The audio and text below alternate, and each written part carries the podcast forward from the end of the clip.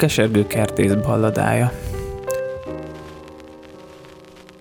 Régen minden jobb volt. Vagy nem? Asszályt sosem láttunk. Belvíz mondjuk volt, de azt nem utáltuk. Vagy de? Rengeteg eljöttek volna dolgozni. Diákok kömpölyögtek, de mind elhajtottuk. Vagy nem? 120 fél permetszer közül választhattunk. Igaz, nem használtunk csak ötöt, de az hatott. Vagy nem? A traktorosok tudták a dolgukat. Reggel hatkor gömbvitamin a presszóban. Oh yeah! Régen minden jobb volt. Vagy legalábbis úgy emlékszem. Nem?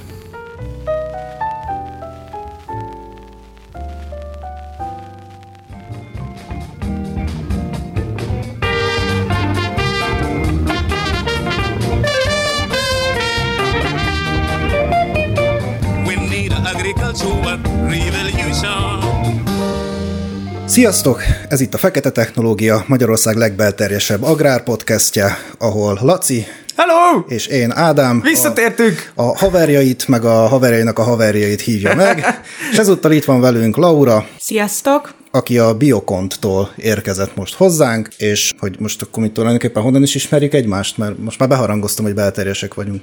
Én, én Laurát az egyetemről ismerem, meg amúgy szerintem ti is egymást, csak ti nem emlékeztek egymásra. De ezt nem, nem, nem értem, hogy ez hogyan lehet, de tényleg nem. A szürkepenészes Ivettel jártál egy csoportba, ugye? Igen, pontosan. És, és hát én elvileg tartottam nektek órát, de hát ez, ez, ez elmúlt. Úgyhogy, na, hát ez van. Na, ez van.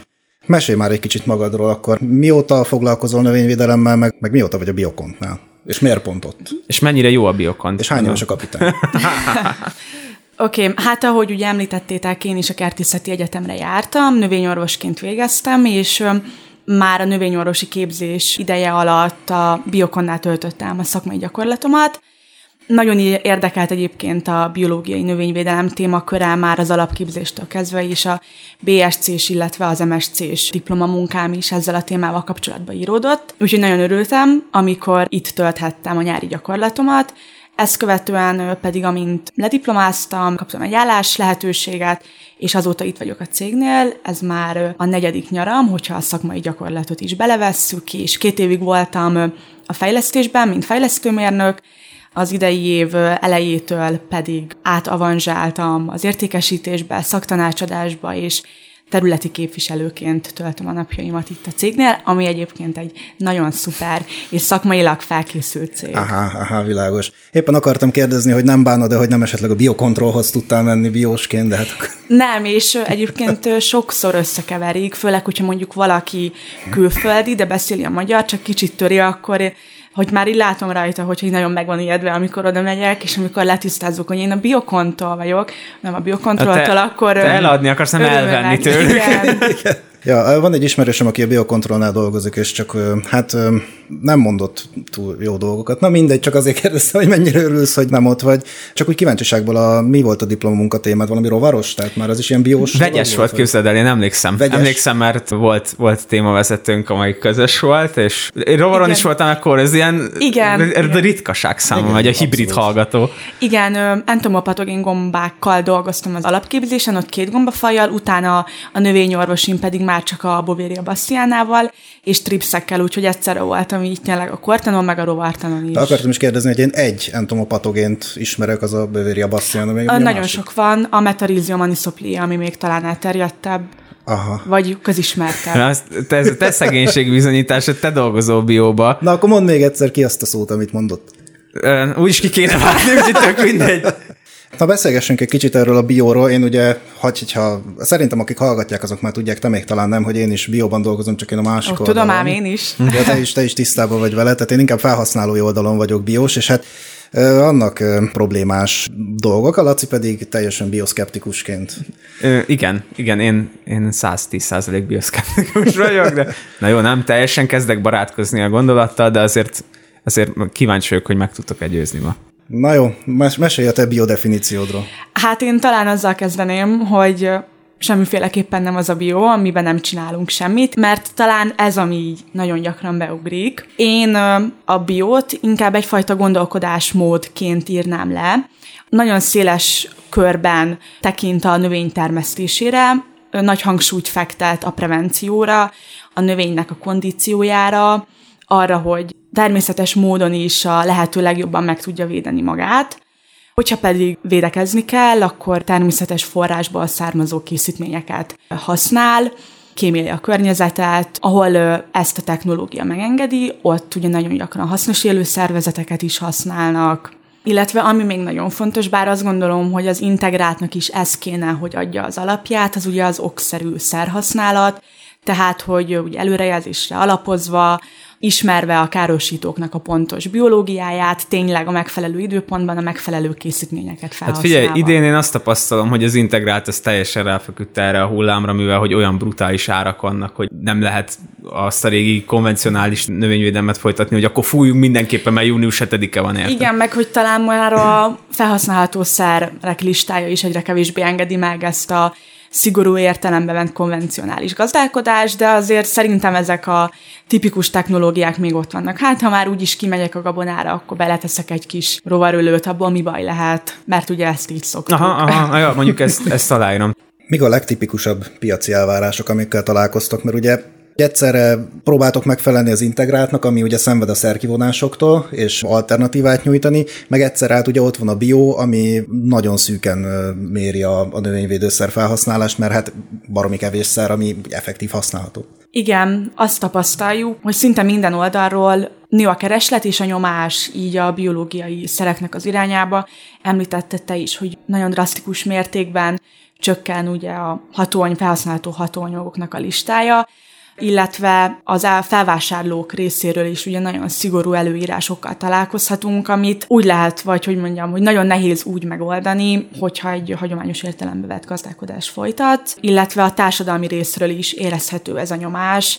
Szerintem egyre nagyobb figyelmet kap így az egészség, meg az egészségtudatos táplálkozás, és talán, hogyha kicsit jobban tisztában lennének az emberek mm, azzal, mit jelent a bió, vagy mit jelent az, hogy valami szermaradékmentes, vagy, vagy integrálban termesztett, akkor még inkább keresnik ezeket a termékeket. Hát szerintem egyébként összességében nem feltétlenül a biónak kedvezne, hogyha tudatosabbak lennének a vásárlók, mert szerintem akkor bátrabban mennének integráltból is vásárolni. Egyedre most azt érzem, hogy a növényvédőszer az maga az ördög. Hát az a méreg, meg igen, a igen, igen, igen. Még visszatérnek én egy picit oda, hogy a piacnak igazából mik az igényei, tehát mivel találkoztok mondjuk te szaktanácsolás közben, amikor mész ki, nem tudom, a termelőhöz, akkor azt mondja, hogy te figyelj, nincsen nektek olyan szeretek, hogy mert nyilvánvalóan van egy vákum a piacon, ami most kezd kialakulni, főleg ugye a szerkivonások miatt, de egyébként a kultúrák tekintetében is, tehát egy szert engedélyeztetni, az mindig egy macera, és mindig pont arra a kultúrára nem engedélyezett, amire kéne, vagy hát legalábbis nálam ugye csipkebogyónál, hát talán két vagy három szerem engedélyezett rá, tehát állandóan a szükséghelyzetivel kell, hát hogy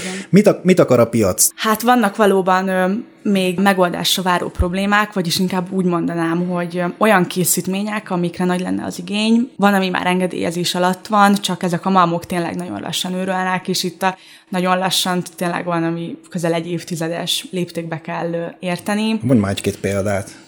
Hát ő például van ugye ez a természetes piretrin alapú rovarölőnk, aminek az engedélyeztetése már nagyon régóta zajlik, és most valami probléma jelentkezett, ami várhatóan egy-két évvel fogja eltolni. Ez nem a piregárd? De ez a piregárd. Ez a Tehát a piregárdnak nincs most jelenleg ugye állandó engedélye, csak szükséghelyzetivel kérhető el, amit a biokont meg szokott kérni, tudjuk, hogy mik azok a fő kultúrák, ahol ugye minden évben jelentkezik erre az igény, és akkor mi így a cég részéről országos felhasználhatósággal ezt kikérjük, és akkor onnantól ugye szabadon vásárolható és forgalmazható, hogyha pedig ugye olyan igény jelentkezik, ami nincs benne, akkor pedig a termelő tudja ezt beadni.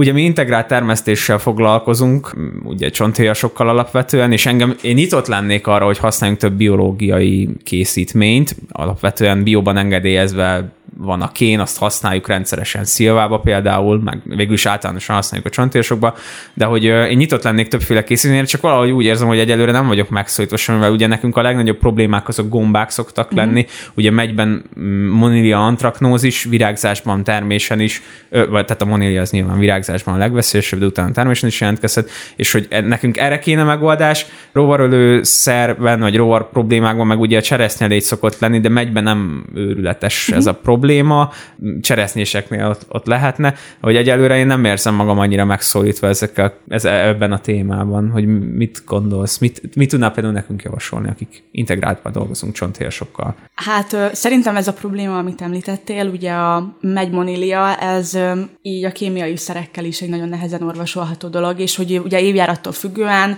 tényleg óriási fejtörés megkívás okozhat a védekezés. Itt Magyarországon is vannak egyébként biomegyesek, nem mondom, hogy annyira sok, de azért, azért vannak, és külföldön nagyon jó eredmények vannak, például a mészkínlével, uh-huh. úgyhogy ezek nagyon ígéretesek, meg talán érdemes lenne erre kicsit nagyobb hangsúlyt fektetni, mert az biztos, hogy lenne, lenne erre igény. Megmondom őszintén, hogy az, az, a, az a bajom, hogy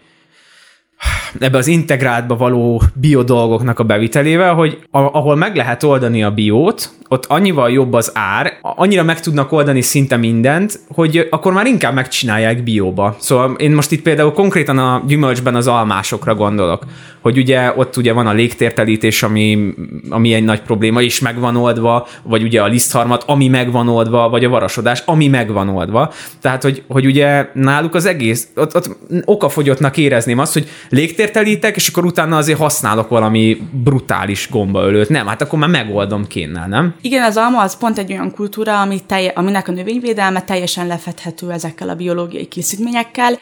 A csontéjasok közül például a megy teljes egészében még nem tart ezen a szinten. Vannak ezzel kapcsolatban fejlesztések, megemlítetted ugye a cseresznye legyet, arra ugye a piretrin alapú készítmény lehet ugye teljesen ökológiai megoldás. Egyébként ugye mondtad, hogy nem érzed magad motiváltnak, hogy ezeket a készítményeket választ, ennek nyilván a mostani szabályozási környezet is az alapja, de ugye 2023-tól jön az új kap, és ezzel együtt el fog indulni az új agrárökológiai alapprogram, ami olyan szempontokat fognak figyelembe venni, mint ugye a mélybarát növényvédelem, az ökológiai gazdálkodásban engedélyezett biológiai ágensek alkalmazása, a nitrogén megkötő készítményeknek az alkalmazása.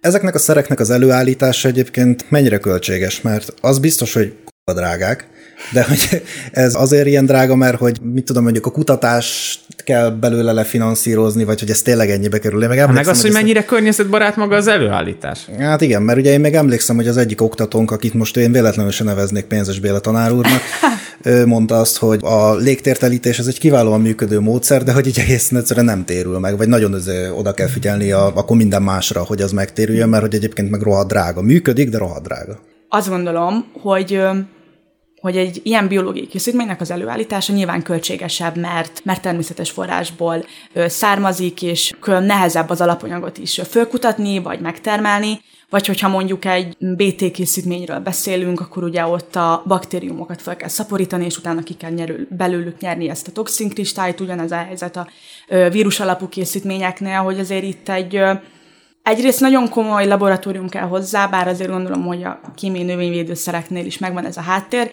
de hogy ezek mégiscsak élő anyagok, és hogy nem, nem mindig minden annyira exakt, hogy beállítom a gépet, és akkor az onnantól ugyanazt tudja kihozni, hanem ezeket felülvizsgálják, mindig megszámolják, hogy az, az a darab számú spóra van-e benne, vagy hogy, hogy komoly ellenőrzés uh-huh. van ezeknél mi azért mondjuk a BioVS GMO adásban eléggé neki mentünk szegény biónak, talán mél, méltánytalanul is, úgyhogy akkor te, mint a bio manifestációja most itt köztünk, védd meg, védd meg tőlünk a biót. És hát ez részemről ráadásul hazaárulás is volt, ugye, hát, mint bióban így van. tevékenykedő.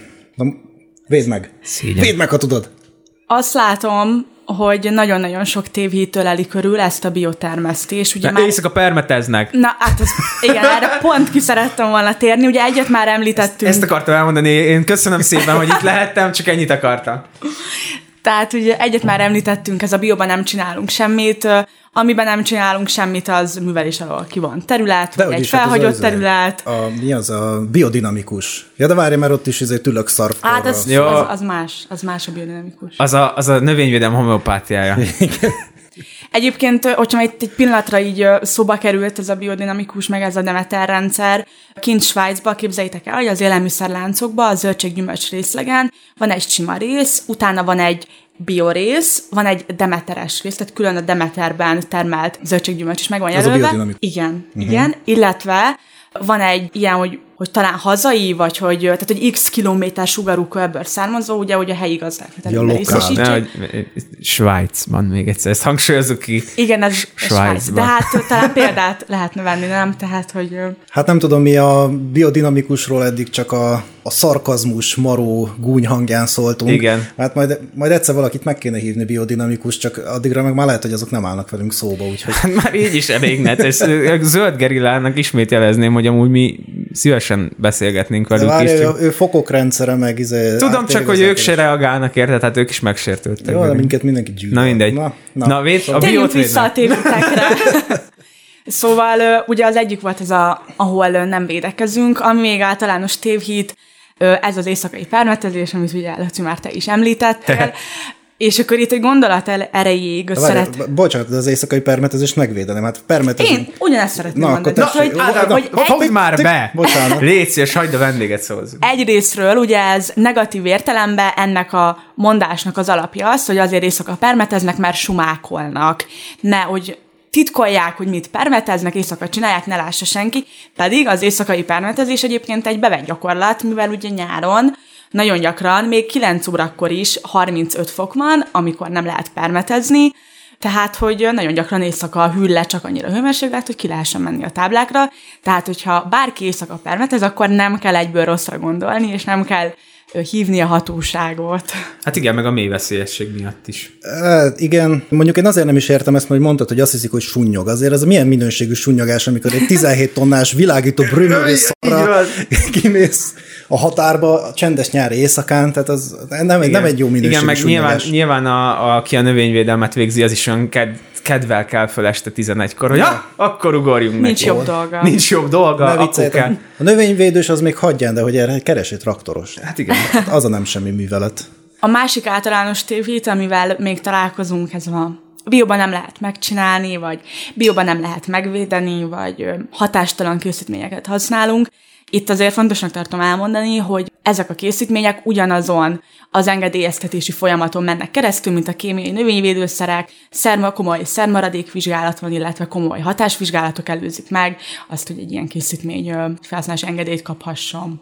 Hát itt ugye max ott lehet esetleg így azt mondani, hogy nem lehet megcsinálni bióba, amiről már volt szó, hogy például a megyesek nekem arra panaszkodtak, hogy ők nem tudják megvédeni antraknózistól a megyet, mert ugye oké, okay, hogy rezet használhatnának rá, ami működik is rá, tök jó, csak 28 nap az élelmezés egészségügyi várakozási ideje, tehát nem tudnak megvédeni mondjuk egy új fehér tói fürtöst. Antraknózistól, és akkor ha mondjuk új fehér tóit látsz bióban, akkor lehet, hogy esetleg így hunyorogva nézel, hogy hmm, hmm. Ezt, ezt hogy te csibész. Tehát, hogy e- én ezt, ezt, ezt gondolom, hogy itt gondolhatják esetleg a sumákságot, de amiket meg eddig mondta, azzal egyetértek. Meg ez a legenda, hogy nem működik egyébként szerintem onnan ered, hogy a felszívódó meg integrált növényvédőszeres technológiákat akarják csinálni bionövényvédőszerrel, és hát ez, ez persze, hogy nem fog működni, mert felszívódó technológiára vagy ráva, akkor a kontaktszer nem fog működni, hát tényleg nem. Igen, szerintem ez egy nagyon jó gondolat, hogy a biológiai növényvédelem az nagyobb szaktudást igényel, és nagyobb precizitást és odafigyelést. Tehát, hogy kevésbé megoldható ez a technológiai szerű permetezési terv, hogy mindig minden évben ugyanúgy csinálunk, sokkal jobban oda kell figyelni, meg hogy, tehát, hogy nagyobb hangsúlyt kap a helyes időzítés, meg mondjuk a, az ilyen kis technikák, hogy pH beállítás, ami egyébként a kémiai növényvédőszereknél is ugyanannyira fontos lenne, mert nem megfelelő pH mellett lehet, hogy mondjuk sokkal több szert kell kijuttatnod, vagy mondjuk több menetbe kell rámenned, de hogy ez bióban meg hatványozottan felütheti a fejét, és sokkal könnyebb azt mondani, hogy ez a szer ez nem működött, mint mondjuk átgondolni, hogy lehet, hogy nem jókor, lehet, hogy nem jó körülmények között, vagy nem a jó szerrel permeteztem. Ugye, ami a bióban nagyon hiányzik, nekem is biósként, az a felszívódó szerek. Van erre valami remény, sugár, valami csillan a háttérben? Igen, van. Mm, Kontaktszerek mellé, ami segíthet ezen a dolgon, hogyha kontaktszerek mellé mondjuk olyan agyonvást teszünk, ami növeli az esőállóságot, ezzel ugye védve mondjuk egy kezelés után rövid időn belül lezúduló csapadéktól, de tudja növelni a kezelésnek a hatástartamát. Tehát erre talán ezt tudnám mondani, hiszen gombaülőszerek között ott, ott ugye tényleg csak kontaktkészítményekről beszéltünk. A rovarülő termékek között van például ugye az azadiraktin hatóanyagú nimazál. Mondhatok terméknevet, hogy az ne legyen benne? Tietek. Úgyhogy ha, ti tudnátok beperelni minket egyedül, ha jól tudom, szóval nem? És, ne, és nem az a dirahiaktin a hibás. A, nem az a riaktin a hibás. ja. Igen? Min, igen? Tehát, hogy az az a dirak, tehát a némazál az egy helyileg felszívódó tulajdonság jellemzi, ami ugye azt jelenti, hogy azon a részen, ahol ez a permecsep érintkezik a növényi felszínnel, ott pár sejtsor mélyig felszívódik a levél szövetébe, viszont ez fontos, hogy ez csak egy helyileg felszívódó tulajdonság, és nem kerül be a hatóanyag a növénynek az anyagszállításába, és nem szállítódik el a kiutatásnak a helyére. Ez, ez burgonyabogára is lehet, ugye? Burgonyabogára ellen Lárvára, ha jól tudom. Igen, igen. Nekem van, ugye a gazdabolt miatt vannak ilyen nagyobb vásárlóink, és mármint úgy, hogy házi kerti, de hogy így tudjátok, van az, amikor házi kertből így, mit tudom én, kis piacra így értékesítenek, és most van egy nagyon jó egyébként kémiai szer, viszont azt mondta a hölgy, hogy nincs a előbb említett termék, mert hogy az annyira jó, és ez, ugye említettük már a dippelt is, most spoiler ezek kicsit, de hogy, hogy vannak olyan biológiai készítmények, amiket, amik annyira jók, hogy kifejezetten akár a kémiaival szemben azt keresik. Na bum, erre varják gombot. Látom, látom a bajuszodat. Hát Nem. látod a bajuszomon, mert én ezekkel szívok általában, és már úgy szeretnék egy jó izé kimenni, és egy jó kemény az oxistrobinos kezelés, hogy végre, végre érezzem, hogy valami történt azzal a növényel, de hát nem lehet. Igen, a némazálnak van engedély a burgonyabogár ellen is, meg ö, egyébként ugye összetett hatásmánizmussal rendelkezik, tehát a talán a fő hatását mondjuk így, azt ugye a fejlődésben lévő alakokra nézve fejti ki, megzavarja a vedlést, és így a vedlőfélben lévő alak majd elpusztul, az imágokra nézve pedig táplálkozás csökkentő és szaporodásgátló hatása van, a lerakott tojásoknak az életképessége csökken és nagyon sok kultúrában tavaly kapott egy elég széleskörű okirat kiterjesztést, és sok kultúrában szúró, szívó, rágó, szajszerű kártevők ellen egyaránt engedélyezett. Milyen van még? Szúró, szívó? Nyaló. Rá, ja, azt te vagy. és nem is szégyen. Meg egyébként burgonyabogár ellen is volt ugye egy BT igen, igen, termék, igen. ami most nincsen átmenetileg, de hogy lesz még. Na akkor egy pár szót a Biocontrol, mint cégről, de még mielőtt azért ebbe belemennénk, mondjuk már el a, a sztorit, Laci, hogy a Biocontnak a marketing vezetője írt ránk Nagy István, és hát én pont előtte való nap, vagy valahogy azon a héten osztottam meg az agrárminiszter Nagy Istvánról egy mémet, és aztán érkezett az e-mail Nagy Istvántól, hú, ha mondom, basszus, jön a virgács, de hát kiderült, hogy nem az a Nagy István, hanem a bio, biokontos marketinges Nagy István. Kicsit nagyobbat gondoltál magunkról, mint amik, amik valójában vagyunk. Na, biokont. Mondjál valamit. Mondjál valami szépet. Igen. Vagy igazat.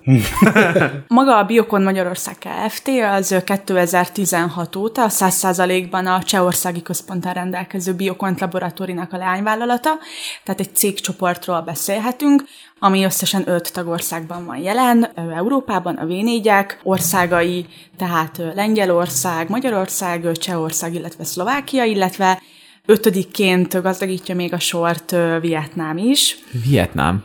Ezt hogy? Miért? Én, én állítom, hogy mondom, ez egy részek dárcozás, hogy uh-huh. dob, dobjuk valahova a dárcot, és ott lesz a következő központ, és, és mellé men.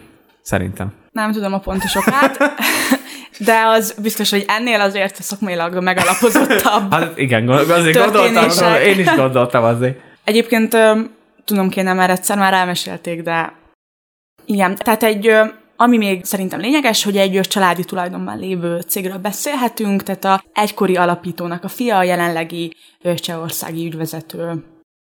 Na, hát most szigorúan nem PR célzatta, mivel hogy továbbra is egy vasat nem kapunk ezért, de, de azért egy pár terméket, ami nekünk is érdekes volt, nézzünk már meg. Az egyik, ez a Piregárd, amiről már volt szó, hogy ez ugye egy piretroid? Nem, ez egy természetes piretrin tartalmú készítmény. A piretroin és a piretroid azok nem egymás színe- szinonimái. Mert a piretrin és a piretroid. Igen, igen. A természetes piretrin az egy krizantém félének a kivonata, és ez a, ez a hatóanyag, tehát maga a piretrin volt, a későbbi piretroidoknak a kiindulási vegyülete. Ezen aztán ö, olyan módosításokat hajtottak végre, hogy a hatás, igen, a hatástartamát növeljék, tehát a környezeti elemeknek jobban ellenálljon. Ezért is van az, hogy a piretrin, mint vegyület, sokkal-sokkal gyorsabban bomlik, UV és a többi hatására, hőmérséklet, tehát sokkal érzékenyebb hatóanyag, mint egy piretroid. A Sörös Csilla tanárnő jelenik meg a szemeim előtt, hogy igen, ez nekem is rémlik, hogy a piretroidoknak az UV ellenállósága nem jó, és azt hiszem, hogy valami halogénnel stabilizálták őket, igen, hogyha minden igaz. Valami ilyesmi, igen. Val- valami ilyesmi. Tehát szerkezetileg sem azonos a két Hatásmechanizmusban viszont azért eléggé hasonló, hiszen azt akarták elérni, nem? Tehát, hogy akkor viszont, akkor viszont nekem a, a biós, hogyha próbálok biós hagyja gondolkozni, a piretroidok nekem azért egy red flag, mert hogy ugye az mindent elég durván. napalm. Nem, Már- ha nem már- szelektív, napalm, Ha már itt Vietnám szóba kerül. atombomba, izé, dzsihad. Igen, a hatás kifejtését tekintve azonos mindkettő, tehát ugyanúgy az idegrendszerre fejtik ki a hatásukat, széles hatásspektrummal rendelkeznek, erős taglózó hatással, tehát ez a knockdown effekt, kipermetezed, ami ott van, azt le fogja ütni, ez a piretrénre is igaz. Az oka, hogy ez a termék mégis engedélyezett ökológiai gazdálkodásban, az abban keresendő, hogy lényegesen gyorsabban bomlik, tehát hogyha te este kipermetezed, akkor másnap délbe a hasznos élő szervezetek már el tudnak kezdeni visszatelepülni, és nem lesz relatív hosszú időre teljesen sterilizálva az az állomány. Az évenkénti felhasználhatósága is maximalizált, összesen két alkalommal juttatható ki. Ez is nyilván azt próbálja elősegíteni, hogy ne legyen egy ilyen ütemszerűen használt, heti szinten permetezett termék, és talán ezzel a rövid hatástartammal, maximum kétszeri felhasználással nem okoz akkora ökológiai katasztrófát, meg nem pusztít, vagy nem tisztítja meg annyira, mint, mint, mint a piretroidok. Hogy alapvetően biósként ez is egy ilyen, inkább egy vész, vész megoldás, nem? Tehát, hogy egy- ehhez se kéne ezt így szívesen hozzányúlni, mert gyanítom, hogy egyébként például a mélyveszélyessége is, akkor nyilván ennek is Igen, valahogy. igen, ez így van, és inkább úgy tudnám ezt jellemezni, mint hogy elképzeltek egy Maslow piramist, hogy ugye az alján vannak az én alap dolgok, ez a jó gazdálkodási gyakorlat, monitoring, a növény kondíciójának a javítása, tehát minden ideális legyen, és csak a legvégső esetben szoktuk ajánlani ezt a terméket, amikor nincs más megoldás, például az ilyen nagyon gyorsan felszaporodó invazív kártevők, mint a dióburok fúrólégy, cseresznyelégy, vagy pedig ugye az amerikai szőlőkabóca. Hát mondjuk igazából egyik ellen sem nagyon baj az, hogy- hogyha van egy valami hatástartalma a cuccnak, nem? Hát itt mérlegelni kell, hogy, hogy mi a jobb, hogyha hosszabb ideig kitisztítod ezt az állományt, és akkor, ki, és akkor onnan eltűnnek a hasznos rovarok is. Nyilván itt ennél a készítménynél is ugye nagyon fontos a megfelelő időzítés, hogy az tényleg akkor legyen kijuttatva, mit tudom én, amikor a rajzás csúcs van, tehát a legindokoltabb esetben ez, ezzel tudod elősegíteni Hát ugye itt az az érdekes gondolat az egészben, hogy itt nem attól bióbb ez a termék, mint mondjuk egy neonikotinoid, hogy milyen a hatástartama, hanem szerintem maga az előállítás, vagy maga az, hogy ugye ez egy természetes anyag, egy neonikotinoid, meg nem. Mert ha belegondolsz, akkor egy neonikotinoid mondjuk az ilyen szempontból bióbb anyag, hiszen ha már felszívódott, akkor utána az már nem bántja a hasznos élőszervezetet, mert nekem az hasznos élőszervezet, ami nem eszik bele a levelembe, vagy az semleges, uh-huh. ami meg beleeszik, az meg, az meg azt akarom, hogy az is az direkt elpusztuljon, ami beleeszik, tehát hogy csak az ami a felszívódó rovarölőszerbe beleeszik, az pusztul el. Tehát kvázi ilyen szempontból az egy bióbb anyag kéne, hogy legyen. Itt, itt egyedül a, egy piretrin, meg egy piretroid közt értem ezt a UV-ra bomlás gyorsabb, meg minden, de hogy itt igazából nekem az az egy erős különbség, hogy az egyik az egy természetes alapú anyag, a másik meg egy mesterségesen létrehozott anyag. Mondjuk azért itt a neonikotinoidokkal kapcsolatban, csak hogy mielőtt a méhészek agyvérzést kapnak, igen, természetesen a gutációs cseppekben megjelenhet, és azért ott az tud problémát okozni, de ja, értem én ezt, viszont ugye maga, tehát ugye itt beszéltük az elején, hogy akkor most mi igazából a bio, az, ami a szabály, az egy szemlélet, egy gondolkodásmód, egy szerhasználati preferencia, és mondjuk szerintem kifejezetten szemléletben igazából ugy, ugyanaz a napalmozás, csak Esetleg még, még, még annyi lehet, hogy a élelmiszerláncban talán ezek a természetes alapú dolgok gyorsabban lemondolanak, tehát ha nem is a rovarokra nézzük, hanem már a humán felhasználásban, hogy aztán az tényleg nem marad meg, mert hogy az úgy, olyan gyorsan lebomlik, hogy, hogy tényleg nem fogsz A várakozás ideje is jóval rövidebb, mint egy piretroid. Hát a piretroidok azok amúgy is ilyen három nap szokott lenni, mit tudom én, egy csomó kultúrában. Ja, hát annyi, hogy valószínűleg mondjuk mély kimélési szempontból, ha megfelelő időpontban van kiuttatva, meg gondolom, hogy azért a technológia sokat Ez számít, mondjuk valid. akkor abból a szempontból bio, de hát mondjuk agroökológiai szempontból ugyanúgy egy napalmozás. Ja, meg most én akkor itt um, kikacsintanék a hallgatók felé, hogy érezzétek magatokat megszólítva, hogy szerintetek ez mennyire fér bele a bióba. Én erre kíváncsi lennék, hogy mit gondolnak. hallgatók. Kommenteljetek. Kommenteljetek, és ne, ne írjatok dühösi e-mailt, inkább kommenteljetek, légy szíves. Köszi. Hú, nem is beszéltük Laurának, meg hogy olyan izé, dühös e-maileket szoktunk néha Komolyan. kapni. De ne, nehogy azt hitt, hogy kapsz egy ennyit, hogy ti macsok szemét csalók, hanem úgy hogy, hogy egy a csávónak izé mikrobiológiából van doktoria, és küld egy négy oldalas e-mailt, hogy a GMO az 1977, és, az, és nem tudom mi, írva kemény. Nagyon kemény. Keményen. Visszatérve még a Piregárdra, a másik az, ami miatt a pirotra... Ezt ki ne vágd, ez így lesz. Jó. Pirappapappa. Szóval, ami miatt a piretroidokat szeretjük, az ugye az, hogy hát relatív, bár manapság azért már ez nem teljesen igaz sok mindenre, amire korábban igaz volt, de ez relatív olcsók. Hát én a Piregárdot néztem, és ez nem olcsó. Hát ez öm, nem közös tulajdonság a két ezekben a készítményekben.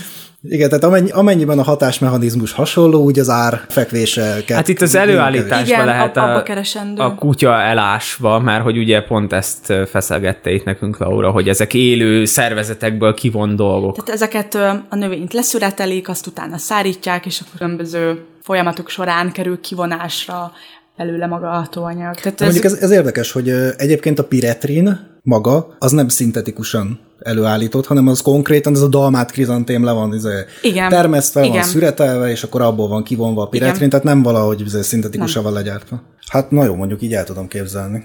A másik, ami nekem nagyon érdekes, ugye, aki vírusokkal foglalkozik, ez a Madex nevű termék. Ez- Gondoltam, hogy neked ezt tetszeni fog. igen, igen, én, nekem ez tetszik meg, hogy itt, uh, itt tényleg azt érzem, hogy igazából itt már tényleg olyan kis biotechnológiai ügyeskedéssel van a, a dologba bele nyúkálva, Mert hogy ez mi? Kérdezheti egy hallgató. mert hogy ez mi, Laura? A Madex az egy vírus készítmény, egy olyan vírust tartalmaz, ami csak és kizárólag az almamolyra nézve fejti ki a hatását. Ez Covid után nagyon, nagyon, nagyon biztonságosnak hangzik. Pedig ez tényleg nagyon biztonságos. Tehát az almamoly ö, táplálkozása során fölveszi ezt a vírust, és utána rövid időn belül elpusztul. Vár, várom a vírusos kérdéseidet, mert még bennem Én is, nem. bennem is izé, halandó, izé, gombás kortanosként is felmerülnek dolgok, de hát neked aztán Hát, hogy igazából azt nem értem, hogy ez például hogyan nem okoz ilyen zombimoly apokalipszist. Tehát, hogy azért mégiscsak egy vírust juttatunk ki, gyakorlatilag, hát ha nem is nyakló nélkül, de szóval érted, így ki van szorva, hogy menj, hogy kirakod a vírust, ezek meg így eszegetik.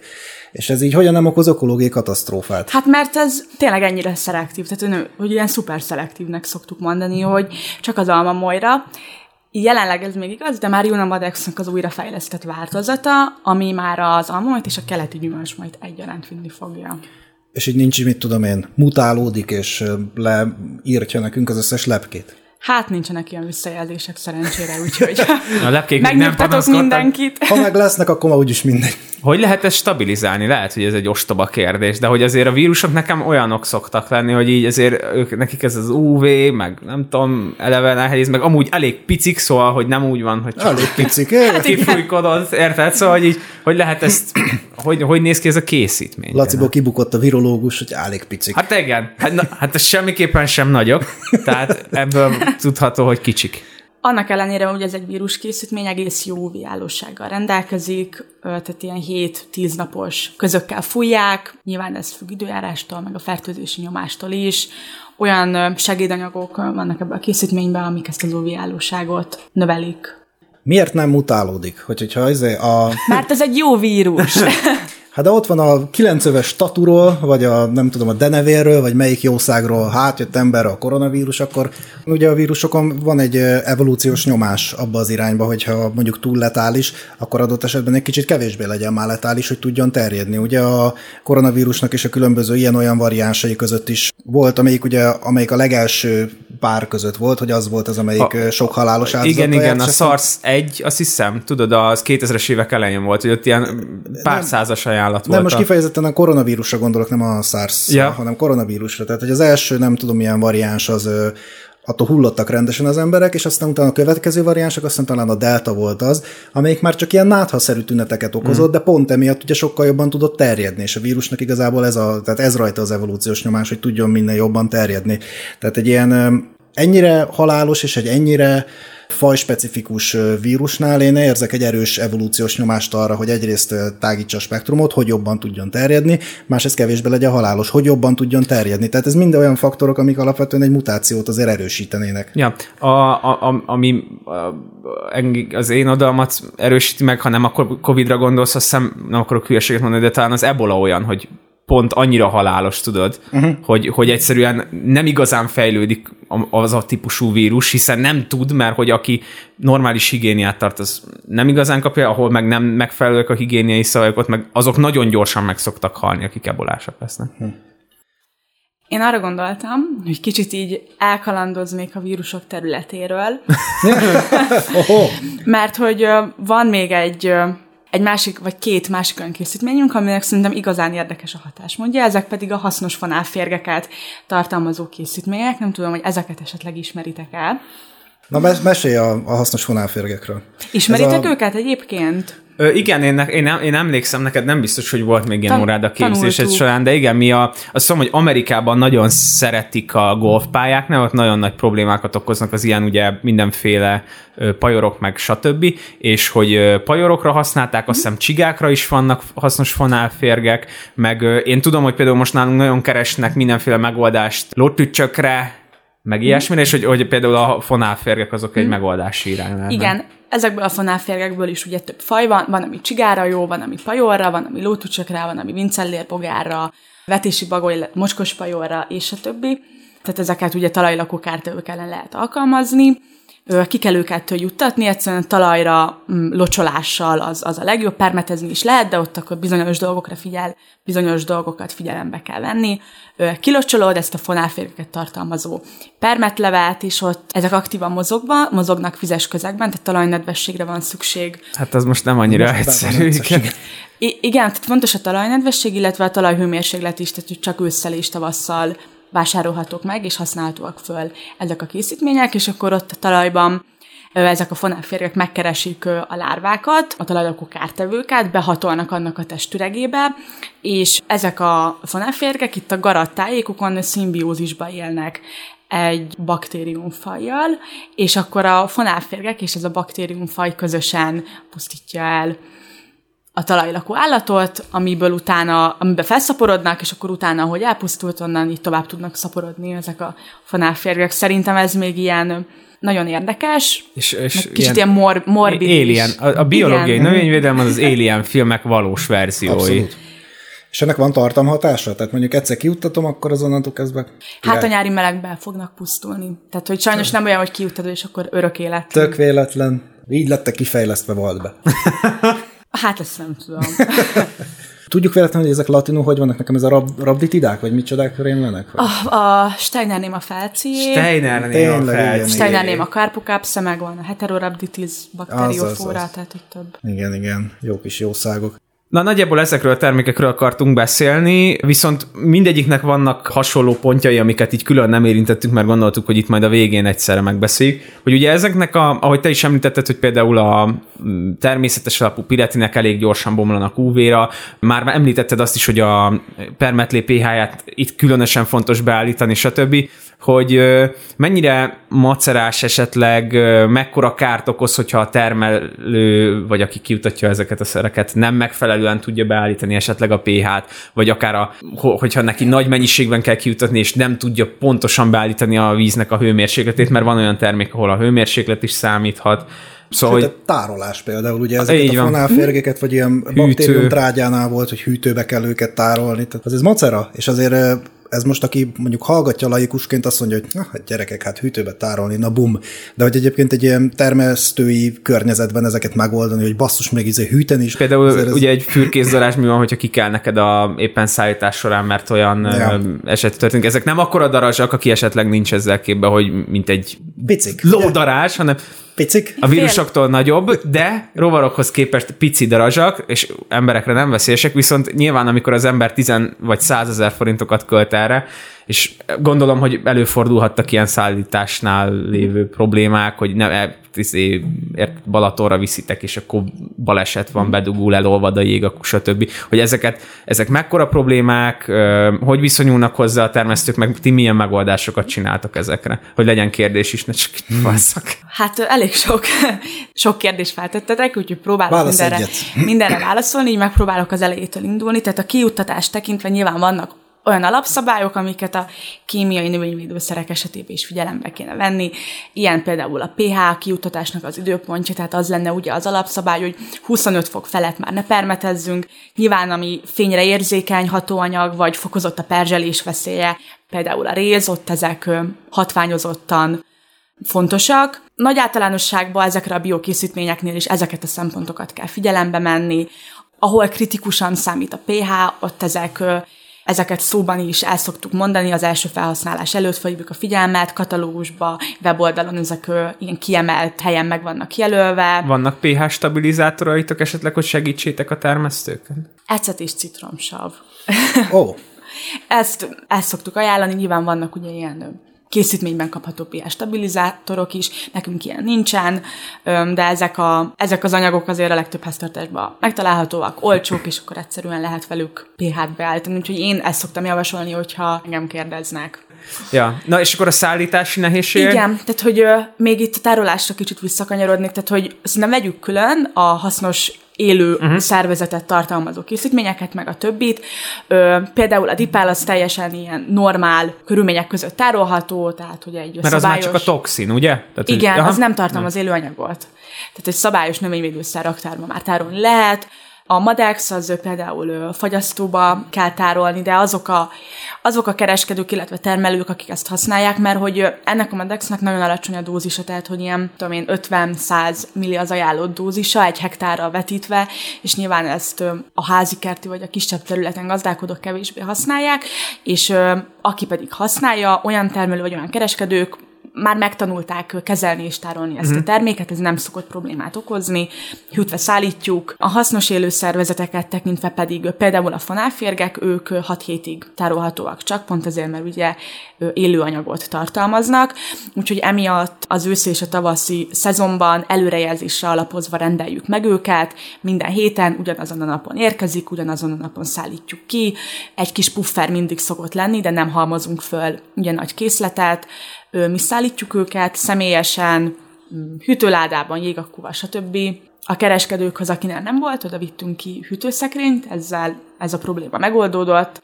Aki pedig otthon szeretné használni, az egyszerűen be tudja tenni a hűtőbe, mert nem foglal sok helyet. A fürkész is hasonlóan működnek, ott is ugye előzetesen felmérjük az igényeket, annak alapján rendelünk, szintén hűtve. Hogyha pedig olyan történik, hogy bent ragad a logisztikai cégnél, például mert sztrájkolnak, ilyen már előfordult, és úgy látjuk, hogy ugye kikeltek a darazsák, akkor új szállítmányt kérünk, és akkor nyilván az, azt nem visszük ki, meg az nem kerül felszámolásra. Azt hitted, hogy ilyen nincs mi? és akkor ott a izé, sztrájkolók között szállnak a szamuráj Hát darazsak? szerintem ők olyanok, hogy ott kikelnek és el is pusztulnak, mert szerintem ba- nagyon rossz környezetbe lehetnek ott ahhoz képest, érted, mint hogy egy beállított izé, paradicsomba viszed be, hanem egy meleg raktár, sötét raktárba Hát egy dobozba Egy dobozba ki kell, ja. Ha már kikelnek, igazán bosszút állhatnának. Igen. Nem, ezek a darazsak tényleg nagyon kicsik, tehát hogy a világ legkisebb rovarai közé tartoznak, ilyen fél milliméter nagyságúak, mindössze így szabad szemmel, így látsz valami fekete porszemet, ami kicsit mozog, de nem kivehető már csak nagyító alatt, vagy mikroszkóp alatt legfőképpen az alakja. Így, az otthoni tároláson gondolkoztam, csak hogy ez a anya, hol van a tej? Ah, ott van a fonálféreg, meg. Hát a darazsakat azért általában leegyeztetjük, hogy ekkor érkezünk, és ki is szokták tenni, tehát hogy ezek nem még kevél, kevesebb ideig tárolhatóak, mint mondjuk a fonálférgek, tehát mm. ilyen szempontból tényleg ez oda kerül, és akkor ki, ki is teszik, vagy egy pár napot kibír így hűtőszekrényben. Nekem olyan szempontból ez egy ilyen ö, kellemes ö, dolog ez a beszélgetés, hogy azt látom, hogy a, a biológiai termékeket előállító cégek, vagy legalábbis a biokont azért elég erősen gondolkozik azokban a megoldásokban, amikre egyre nagyobb szükség lesz. Tehát, hogy én azt éreztem, hogy ugye a nagy cégek nem igazán fejlesztgetnek új termékeket, vagy nincs rá idejük, de hogy ez tök jó, tök jó, hogy így lehet, hogy lesznek alternatívák. Meg egyébként én azt látom, hogy a kémiás cégek azért vannak most nehéz helyzetben, mert ők engedélyeztetnének, de már nem tudnak mit engedélyeztetni. Nálunk meg teljesen más helyzet van, tehát hogy nagyon sok készítmény jött, még több fog jönni, mm. és inkább az a kihívás, hogy ezeket megfelelően bevezetni, meg előkészíteni. Tele vagyunk ötletekkel, tervekkel, hogyha már itt szóba került, akkor megemlíteném, ugye már beszéltünk a légtértelítésről, meg ezekről a fürkészdarazsakról is, amik jelenleg ilyen triho vagy polisztirol kapszulákban vannak, ami ugye nem egy túl környezetbarát dolog, és hogy ezek is fejlesztés alatt vannak, jön majd a légtértelítésnek ez az aeroszolos változata, amikor nem kell ezeket a diszpenzereket kiakasztani, hanem így kispricceli majd magából ezeket a feromonokat, ezzel is ugye hozzájárul ahhoz, hogy kevesebb ilyen környezetterhelő anyagot juttassunk ki, és a polisztirol kapszulákat meg lebomló kapszulákra szeretnénk lecserélni. Tök jó. Hát igazából úgy tűnik, hogy nagyon más választás nem lesz, tehát át kell állni ezekre. Talán annyi, hogy ugye, ahogy beszéltük is, hogy itt a technológia változtatás az, amit nagyon nehezen vesz be a gazdálkodóknak a gyomra, meg ugye az, hogy mondjuk egy piretroidnál, mondjuk talán pont a piregárdot nem említve, ugye a taglózó hatás, tehát kiuttatod, mm. mész és látod, hogy ez hatott. Azért, hogyha kiuttatsz egy fonálférget, és az ott elkezd a, nem tudom, a lótücsökben valamit kezdeni, hát ott azért napok, vagy akár egy hét is gondolom, vagy akár több is eltelhet, mire ott egyáltalán látod, hogy valami történt. Nem ezt szokták meg igazából mostanában a gazdálkodók. Azt szokták meg, hogy ha valami kezelés kikerül, akkor az utána hat. Itt pedig ugye az kell, hogy a két állatkának az élet ritmusa, meg az életciklusa valahogy, nem is tudom, harmonizálja, meg rímeljen egymással, és akkor elkezdődik valami, aminek a végén nekem jó lesz, csak ez talán nem annyira látványos, meg hát nem annyira gyors. Igen, ez egyébként tényleg nagy probléma, hogy a szokás az nagy úr, és amit megszoktunk, függetlenül attól, hogy jó-e vagy nem, az már ugye így szokás, tehát ezt akkor így szeretnénk a jövőben is csinálni, és mondjuk, hogyha egy azadiractin hatóanyagot használsz, ugye annak, annak egyébként nagyon látványos hatása van, de nem taglózó, tehát kell egy három-öt nap, mire meglátod az eredményt, és ö, nyilván volt már ugye, hogy egy ilyet ö, visszajelzést kaptunk, hogy nem volt jó a kezelés, nyilván ilyenkor meg szoktuk nyugtatni az illetőt, hogy várjon meg három-öt napot, és ha utána se, akkor, akkor majd átbeszéljük, de ugye addigra már ők, ők maguk is látják, de tényleg a piretroidoknál ez annyira kifolyad, és már azonnal ott látod a, izomgörcsös rovart. Ja. Hát ezt lassan el kell felejteni. Ja, szóval itt nem csak az van, hogy a technológiát kell változtatni, hanem a Gondolkodásmód. Igen, meg hogy így hozzá kell szokni, hogy el vagyunk egy kicsit kényelmesedve, hozzá kell szokni, mm. hogy ezek lassabban fognak hatni. Igen, meg ö, talán jó lenne belátni azt, hogy egyébként ez nem rossz, tehát hogy ez a, ez a változás, ebbe azért nagyon sok jó, jó dolog is van, és hogy nem csak azt kell benne meglátni, hogy hogy nekem egy kicsit többet kell gondolkodnom, mert egyébként gondolkodni az egy jó dolog. Nekem nem. Hú, ez micsoda zárszó volt. Igen. Laci, gondolkodsz meg egy picit, vagy? Nem. Elköszönsz? Köszönjük. Szeretnél elköszönni? Köszönjük szépen a fejtágítást. Én is köszönöm szépen mindenkinek, aki meghallgatott minket, és sziasztok! Hello! Sziasztok!